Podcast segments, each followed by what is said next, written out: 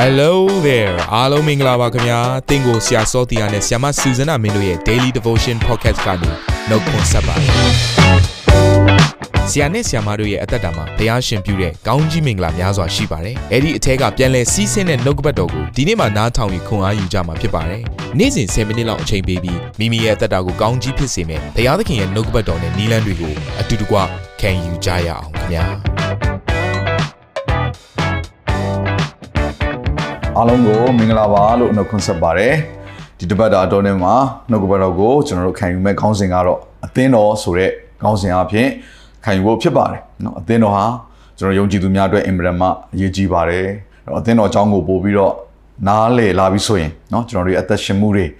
ကျွန်တော်တို့မှာရှိတဲ့အခွင့်အာဏာတွေဘုရားသခင်ကျွန်တော်တို့ကိုဘာအတွက်ဒီလောကမှာထားထားလဲဆိုတာကိုသဘောပေါက်လာမှာဖြစ်ပါတယ်ဒါကြောင့်ပထမဦးဆုံးသောเนาะနေ့ရက်အတွက်ခေါင်းစဉ်ကတော့ အသင်းတော်ဆိုတာအခွင့်အာဏာများရဲ့အစုအဝေးဖြစ်တယ်ဆိုတော့ခေါင်းစဉ်အပြင်နှုတ်ကပတ်တော်ကိုလေ့လာဖို့ဖြစ်တယ်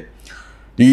အခွင့်အာဏာများအစုအဝေးဆိုတဲ့အရာကိုဒါအင်္ဂလိပ်လိုတိုက်ရိုက်ပြောမယ်ဆိုရင်တော့ assembly เนาะကျွန်တော်တို့အသင်းတော်တွေမှာဆိုရင်ချို့တော်အသင်းတော်နာမည်တွေကို assembly လို့သုံးတယ်เนาะဒါကိုနောက်ထပ်စကားတစ်ခုနဲ့ပြောမယ်ဆိုရင်တော့ဒါဟာအစိုးရအဖွဲ့အစည်းဆိုတဲ့စကားနဲ့လည်းအတူတူပဲဖြစ်ပါတယ်ဒီနေရာပြင်ပြောမယ်ဆို governmental เนาะ gathering ဒါ အုပ်ချုပ်မှုအခွင့်အာဏာကိုကင်ထားသောသူတွေရဲ့စီဝေးဖြစ်တယ်တခါနော်ဒီ Greek စကားမှာဆိုရင် ecclesia ဆိုတာရှိတယ်เนาะသူက ecclesia ကနေလာတယ် ecclesia เนาะဒီလိုမျိုးစကားလုံးလေးပြန်ပြောင်းသွားတယ်အာဒါရဲ့အတိတ်ပဲကတော့ to call out ပေါ့နော်လူတွေအများကြီးရှိတယ်ဒါပေမဲ့အဲ့ထဲမှာမှအရေးပါတဲ့လူတွေကဘယ်သူတွေလဲအခွင့်အာဏာကိုချုပ်ကင်ထားသောသူတွေကဘယ်သူတွေလဲဘယ်သူတွေဟာပညာတတ်သောသူတွေလဲဘယ်သူတွေမှအစွမ်းတတ္တိရှိတယ်လဲအဲ့လိုမျိုးအများကြီးတဲ့က နော်တကယ့်ကိုတက်ဆွမ်းနိုင်တဲ့လူတွေကိုစုဝေးလိုက်ပြီးတော့အစုဝေးလုပ်လိုက်ခြင်းကို assembly လို့ခေါ်ပါတယ်ဒါကြောင့်မို့ကျွန်တော်ဒီနေ့မြန်မာလူကောင်းစဉ်ကအခွင့်အာဏာများအစုဝေးလို့ပြောထားတာဖြစ်တယ်တော့ဣသရေလလူမျိုးတွေတမိုင်းကိုကြည့်လိုက်မယ်ဆိုရင်လေလူတွေကိုညောင်များစွာဘုရားရှင်ကဒီဥဆောင်လာတဲ့အခါမှာနော်ကောင်းဆောင်တွေကိုသူကအခွင့်အာဏာတွေကိုခွဲဝေပြီးတော့ဆိုတွေ့ရတယ်ဆိုတော့ဣသရေလလူမျိုးတွေရဲ့ အာခေါင်းဆောင်မှုအစည်းအဝေးကိုကြည့်လိုက်မယ်ဆိုရင်နော်သူ12ယောက်ဆိုတဲ့အရာကိုသုံးတာတွေ့ရတယ်အယောက်80ကိုသုံးတာတွေ့ရတယ်အယောက်120ကိုသုံးတာတွေ့ရတယ်စသဖြင့်ပေါ့နော်တဖြည်းဖြည်းနဲ့လိုအပ်ရင်လိုအပ်တဲ့အလျောက်ဒါတိုးသွားတာကိုတွေ့ရလိမ့်မယ်အဲ့တော့အသက်ကြီးသူ80ဆိုတဲ့စကားလုံးကိုကျွန်တော်တို့မောရှေကနေပြီးတော့ဣသရေလလူမျိုးတွေကိုခေါ်ထုတ်လာတဲ့အချိန်မှာသူကန္နာရကိုရောက်တဲ့အချိန်မှာကျွန်တော်တို့တွေ့ရသလိုပဲတခါယောသက်ရဲ့နော်အသက်တာထဲမှာယောသက်ကသူ့ရဲ့မိသားစုကို အဲ့ဂရုပြည်ကိုခေါ်လိုက်တဲ့အချိန်မှာလဲရောက်လာတဲ့လူအကြီးတွဲဟာအယောက်80ဖြစ်ပါတယ်ဆိုတော့အယောက်80နဲ့ပတ်သက်ပြီးတော့เนาะတိုင်းရှင်ချက်ပေါ့နော်ဒီနံပါတ်ဒီအယောက်80ဟာဘာနဲ့အာစံစာထဲမှာတူညီမှုရှိလဲလို့ပြောတယ်ပြောမလဲလို့เนาะကျွန်တော်တို့လေ့လာလိုက်မယ်ဆိုရင်ဒါဟာ government ဖြစ်တယ်အုပ်ချုပ်တဲ့အဖွဲ့အစည်းတစ်ခုဖြစ်တယ်လို့သတ်မှတ်လေးရှိပါတယ်ကျွန်တော်ဓမ္မတော်ဝတ္ထုတဲ့ကိုကြည့်လိုက်မယ်ဆိုရင်အဲ့တော့အသင်းတော်အစပေါ်လာတဲ့အခါမှာဓမ္မတော်ဝတ္ထုထဲမှာအဲ့ဒီ နော်အစီအဝေးအဲ assembly ဆိုတဲ့စကားလုံးတွေကိုအများကြီးသုံးလာတာတွေ့ရတယ်အာတမန်တော်ဝတ္ထုခန်းကြီး19ငယ်39မှာသို့မဟုတ်သင်တို့သည်အခြားမှုကိုအစီရင်ခံလို့လင်တရားသောအစီအဝေး၌စီရင်ရလိမ့်မည်။နော်အဲ့ဒီနေရာမှာရေးထားတဲ့နော်တရားသောအစီအဝေးဆိုတာ legal assembly နော် governmental assembly ဆိုတဲ့ အာတရားဝင်သတ်မှတ်ထားတဲ့အုပ်ချုပ်မှုအဖွဲ့အစည်းကိုပြောနေတာဖြစ်တယ်။ဒါကနောက်ထပ်အာအငယ်51ကိုရောက်တဲ့ရောက်လာတဲ့ခါမှာနော်အာဆိုပြီးလင်းအစည်းအဝေးကိုဖျက်လေဆိုတော့စောစောကလူတွေစီထားတဲ့အစည်းအဝေးပြီးသွားတယ်ဆိုတဲ့အရာကိုပြောတာဖြစ်တယ်။အင်္ဂလိပ်လိုဆိုရင် assembly ဆိုတဲ့စကားလုံးလေးကိုသုံးတာဖြစ်တယ်။တော့ပို့ပြီးတော့ထင်ရှားပေါ်လွင်တဲ့နှုတ်ကပတ်တော်ကတော့ကျွန်တော်ဟေပြက်ခန်းကြီးစနစ်ထဲမှာတွေ့ရပါတယ်။အငယ်23ကနေ24ကိုဖတ်လိုက်မယ်ဆိုရင်ကောင်းကင်စည်ရင်၌ဝင်သောသားဦးတို့၏အသင်းတော်တို့၎င်းခတ်သိမ်းသောသူတို့ကိုတရားစီရင်တော်မူသောဘုရားသခင်အထံတော်တို့၎င်းစုံလင်ခြင်းတို့ရောက်သောသူတော်ကောင်းတို့၏စိတ်ဝိညာဉ်ထံသို့၎င်းဗြိဉ္ဉ်တရားသည်အာမခံတည်းဟုသောယေရှုထံတော်သို့၎င်းအာပြေလိုက်အသွေးပြောဆိုသောအရာထက်တာ၍မြတ်သောအရာကိုပြောဆိုသောဖြန်းဆွတ်ခြင်းအသွေးထံသို့၎င်းရောက်ကြ၏ယေရှုခရစ်တော်အဖြစ်ကယ်တင်ခြင်းခံရသောသူတွေဟာဘယ်ကိုရောက်လဲဆိုတော့ နော်ဒီကဘာမြေပေါ်မှာရှိတဲ့အချိန်မှပင်လင်ရောက်ရှိတဲ့နေရာတစ်ခုကိုပြောတဲ့အခါမှာသူကတန်ရှင်းသူတွေရဲ့အစည်းအဝေးကိုရောက်တယ်တရားတော်သူတွေရဲ့အစည်းအဝေးကိုရောက်တယ်နော်သားဦးတို့ရဲ့အသင်းတော်ကိုရောက်တယ်ဒီလိုစကားလုံးမျိုးတွေသုံးပါတယ်နော်အင်္ဂလိပ်လိုဆိုဘယ်လိုရေးလဲဆို to the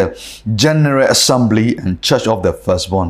who are registered in heaven ဒီလိုအင်္ဂလိပ်စကားလုံးတွေမှာသုံးပါတယ်နော် assembly and church of the firstborn ဆိုတော့ကျွန်တော်တို့အားလုံးဟာနော် အစုအဝေးဆိုတဲ့အတူပေါင်းစည်းစွာဖြင့်အလုပ်လုပ်ရတဲ့အရာနေရတဲ့အရာเนาะဒီအရာလေးကိုနှုတ်ဘက်ချမ်းစာထဲမှာဖော်ပြထားတယ်ဒါကြောင့်မို့ကျွန်တော်ဒီနေ့အားလုံးကိုသိစေခြင်းတဲ့အရာတစ်ခုကတော့သင်နဲ့ကျွန်တော်เนาะဒီလောကမှာအသက်ရှင်စဉ်ရှိတဲ့အချိန်မှာတယောက်တည်းနေလို့မရပါဘူးအသင်းတော်ဆိုတာအစုအဝေးကိုပြောတာဖြစ်တယ် assembly ဘယ်လိုလူမျိုးတွေစုထားရလဲအခွင့်အာဏာကို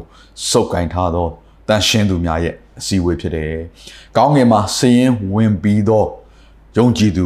အစည်းအဝေးဖြစ်တယ်။နော်အခွင့်အာဏာနဲ့စီစဉ်ကိုရှိသောယေဘရဟိတ်တွေရဲ့အစည်းအဝေးဖြစ်တယ်။ရှင်ဘင်းတွေရဲ့အစည်းအဝေးဖြစ်တယ်။အာမင်။ prophet တွေရဲ့အစည်းအဝေးဖြစ်တယ်။ဘုရားသခင်ကိုကိုးစားပြုသောသူတွေရဲ့အစည်းအဝေးဖြစ်ပါတယ်။နော်ကမ္ဘာပေါ်မှာဒီစัจ java မှာတန်ဖိုးအကြီးဆုံးလို့ပြောတဲ့ယေရှုခရစ်တော်ရဲ့အသွေးယေရှုခရစ်တော်ရဲ့အသက်နဲ့ထပ်တူထပ်မျှတော့ကျွန်တော်တို့တန်ဖိုးရှိတော်သူတွေအရွေးဝယ်ခံထားတော်သူများရဲ့အစည်းအဝေးဖြစ်ပါတယ်။အဲကြောင့်အကယ်၍အသင်က အသင်းတော်ဆိုရရာကိုဒီနေ့ဒီနေ့မှာပေါ့နော်ဒီနှုတ်ကပတ်တော်အားဖြင့်ပြန်ပြီးတော့ကြားရတဲ့အချိန်မှာအော်ငါတယောက်တည်းနေလို့မရဘူး။ငါမှလည်း authority ရှိပါလားအခွင့်အာဏာရှိပါလား။နော်ငါ့ကိုဖျားရှင်ထားထားတဲ့အရာအရာကတော့အုပ်ချုပ်မှုနဲ့ဆိုင်တဲ့အရာအရာပါလား။ဒါပေမဲ့ဘလို့ပုံစံနဲ့အုပ်ချုပ်ရလဲဆိုရင်အစီအဝေးနဲ့အုပ်ချုပ်ရတာဖြစ်တယ်။ဒါကဘာကိုပြောနေလဲ။အသင်းတော်ကိုပြောနေတာဖြစ်ပါတယ်။နော်ဆာလံ130တိကနေနှစ်ကိုဖတ်လိုက်တဲ့အခါမှာ ထာဝရဘုရားကသင်ဤရန်သူတို့ကိုသင်ဤခြေတင်ရာငါမချထားမိတိုင်အောင်ငါလက်ရဘက်၌ထိုင်နေလော့ဟုငါဤသခင်အားမိန်တော်မူ၏ထာဝရဘုရားသည်အရှင်ဤအာနာတော်လှန်တံကိုစီအောင်မြို့မှလွတ်တော်မူမည်ကိုတော်သည်ရန်သူတို့၏အလယ်၌အုပ်ဆိုးတော်မူလိမ့်မည်ဆိုတော့ဒီနေရာမှာဘုရားသခင်ရဲ့အုပ်ဆိုးခြင်းဒီနေရာပြင်ပြောမယ်ဆိုရင်ယေရှုခရစ်တော်ရဲ့အုပ်ဆိုးခြင်းအခွင့်အာဏာကိုတွေ့ရလိမ့်မယ်ဆိုယေရှုခရစ်တော်ကအုပ်ဆိုးပြီလို့ပြောပြီးဆိုရင် အသင်းတော်ဟာသူ့ရဲ့ကိုယ်ခန္ဓာလည်းဖြစ်တဲ့အတွက်ကြောင့်မလို့ယေရှုခရစ်တော်ရဲ့အုပ်ဆိုးခြင်းအခွင့်အာဏာဟာအသင်းတော်ပေါ်မှာရှိတယ် assembly အစုအဝေးမှာရှိနေတယ်ဘယ်သူတွေရဲ့အစုအဝေးလဲကျွန်တော်တို့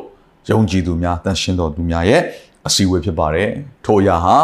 နော်အနာဂတ်မှာမှဖြစ်မဲ့အရာမဟုတ်ဘူးယခင်ကဖြစ်ခဲ့တယ်ဆိုတဲ့အရာမဟုတ်ဘဲနဲ့ယခုလက်ရှိကဘာမြေပေါ်မှာဖြစ်ပျက်နေတဲ့အရာတစ်ခုဖြစ်ပါတယ်အဲကြောင့်အသင်းတော်ရဲ့အခွင့်အာဏာဘယ်လောက်ထိကြီးမားလဲဒီစัจ java နဲ့ဆိုင်သော အခွင့်အာဏာကောင်းကင်ဘုံနဲ့ဆိုင်သောအခွင့်အာဏာကိုလူအစုအဝေးထဲမှာဘုရားရှင်ကပေးလိုက်တာဖြစ်တယ်ထိုအရာကိုအသင်းတော်လို့ခေါ်ပါတယ်အဲကြောင့်ဒီနေ့နော်ဒီနှုတ်ကပတ်တော်အဖြစ်ကျွန်တော်တို့ရဲ့အသက်တာထဲမှာအသင်းတော်ရဲ့နည်းနည်းချင်းဘုရားသခင်အကြံစီတော်ကိုသဘောပေါက်ပြီးတော့သင်ဟာယုံကြည်သူများအစုအဝေးတစ်ခုမှာနော်သင်ရှိတဲ့နေရာဒေသန္တရာပေါ့နော်သင်ရှိတဲ့မြို့ရွာတစ်ခုခုရဲ့ယုံကြည်သူအစုအဝေးမှာပါဝင်စက္ကန့်နေဖို့အရင်အရေးကြီးပါတယ်ဆိုတာလေးကိုအားပေးခြင်းပါတယ်ခဏလောက်ဆူတောင်းကြအောင် ဘုရားသခင်ယေရှုတင်ပါတယ်ဒီနေ့အသင်းတော်နဲ့ဆိုင်သောနှုတ်ကပတ်တော်ကိုလေ့လာတဲ့အခါမှာဒီအသင်းတော်ဟာခရစ်ယာန်ဘုရားအကြံစီတော်အဖြစ်ရွေးဝယ်ထားပြီးတော့တန်ရှင်းသောသူများရဲ့အစည်းအဝေးဖြစ်တယ်အခွင့်အာဏာကိုဂိုင်ထားသောသူများရဲ့အစုအဝေးဖြစ်တယ်။အိုးယေဘရဟိများရဲ့အစုအဝေးဖြစ်တယ်။ရှင်ဘင်တို့ရဲ့အစုအဝေးဖြစ်တယ်ဆိုတော့အခွင့်အာဏာအဖြစ်အုပ်ချုပ်မှုကိုလှုပ်ဆောင်သောအစုအဝေးဖြစ်ကြောင်းကိုနားလေစေလို့ကျေးဇူးတော်ချီးမွမ်းကြသလိုနှုတ်ကပတ်တော်ကိုနားထောင်နေသောသူတယောက်စီတိုင်းသည်တူတယောက်တည်းမနေဘဲနဲ့ တန်ရှင်းသောယုံကြည်သူများရဲ့အစည်းအဝေးမှာဝင်ရောက်ပြီးတော့မိမိတို့ရဲ့အခွင့်အာဏာကိုထုတ်ဖော်ခြင်းဟိုထုတ်အခွင့်အာဏာအားဖြင့်ကိုရနိုင်ငံတော်တည်ထောင်မှုရန်အတွက်မိမိအသက်တာကိုစက္ကန့်အနှံခြင်းလှုပ်ဆောင်ခြင်းသောသူများဖြစ်ဖို့ရန်ကိုရောဖျားယေရှုပြုပါအသက်ရှင်သောယေရှုခရစ်တော်၏မြတ်သောနာမကိုအမိပြုလျက်ဆုတောင်းစက္ကန့်အနှံကြပါ၏အာမင်